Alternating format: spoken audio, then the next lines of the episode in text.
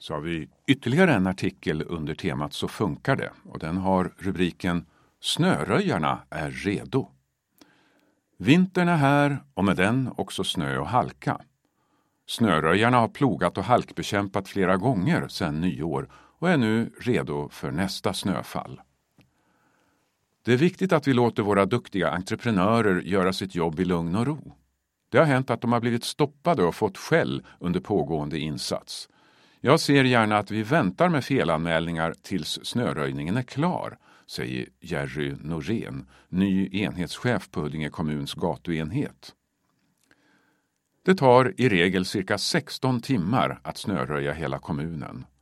Bussgator och prioriterade gång och cykelvägar ska dock vara plogade inom fyra timmar från det att insatsen har påbörjats.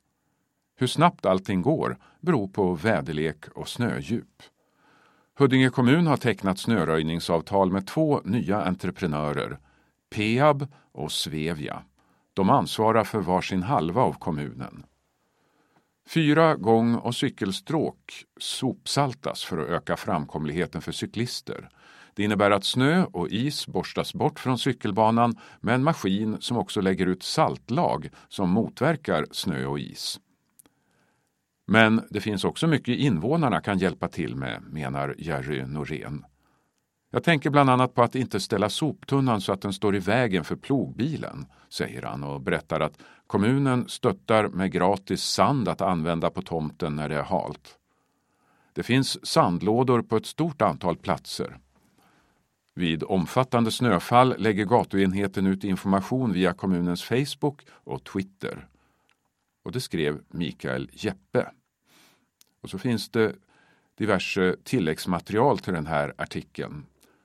Först en spalt med Så kan du underlätta arbetet. Skotta mera. Skotta framför egen uppfart och håll området vid brevlåda och soptunna fria från snö. Undvik att skotta ut snö på gatan. Ta bort snövallen. Även om snöröjarna strävar efter att inte bygga stora vallar framför infarter så händer det. Snövallar får man själv skotta bort. Flytta bilen. Vid större snömängder kan bilen behöva flyttas. Detta meddelas 24 timmar i förväg. Behöver bilen forslas bort kan det bli aktuellt med böter och bortforslingsavgift. Ställ soptunnan rätt. När det har snöat, tänk på att inte ställa soptunnan utanför tomtgränsen så att den står i vägen för plogbilen. Sopbilen har en räckvidd på två meter när den ska tömma soptunnan. Beskär. Tomtägare kan hjälpa till med att ta bort grenar som hänger ut över gatan eller trottoaren för att underlätta snöröjningen.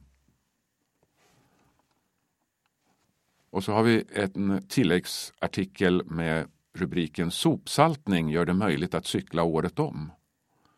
Fyra gång och cykelstråk sopsaltas i Huddinge kommun för att öka framkomligheten. Utmed Huddingevägen från Alfred Nobels allé i Flemingsberg som gränsar till Botkyrka kommun fram till Sjödalen vid Rådsvägen där Trafikverket tar över ansvaret för underhållet. Där sker också sopsaltning liksom vidare in mot Stockholms innerstad. Utmed Häradsvägen vid Stuvsta fram till Stockholms stads kommungräns vid rondellen i Segeltorp. Utmed Ågestavägen från Huddingevägen fram till Stockholms stads kommungräns vid Ågestabron. Samt längs med Gamla Nynäsvägen i Skogås Trångsund som går från Follan till Länna. Fotnot Mer info om snö och halkbekämpning finns på huddinge.se vintervag. Mer om sopsaltning finns på huddinge.se sopsaltning. Sand för privat bruk. Se på webben huddinge.se sand.